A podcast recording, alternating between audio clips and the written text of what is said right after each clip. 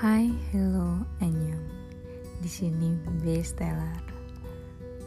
Aku mau sharing tentang bagaimana aku seorang perempuan biasa yang sedang menghadapi tahap dewasa awal.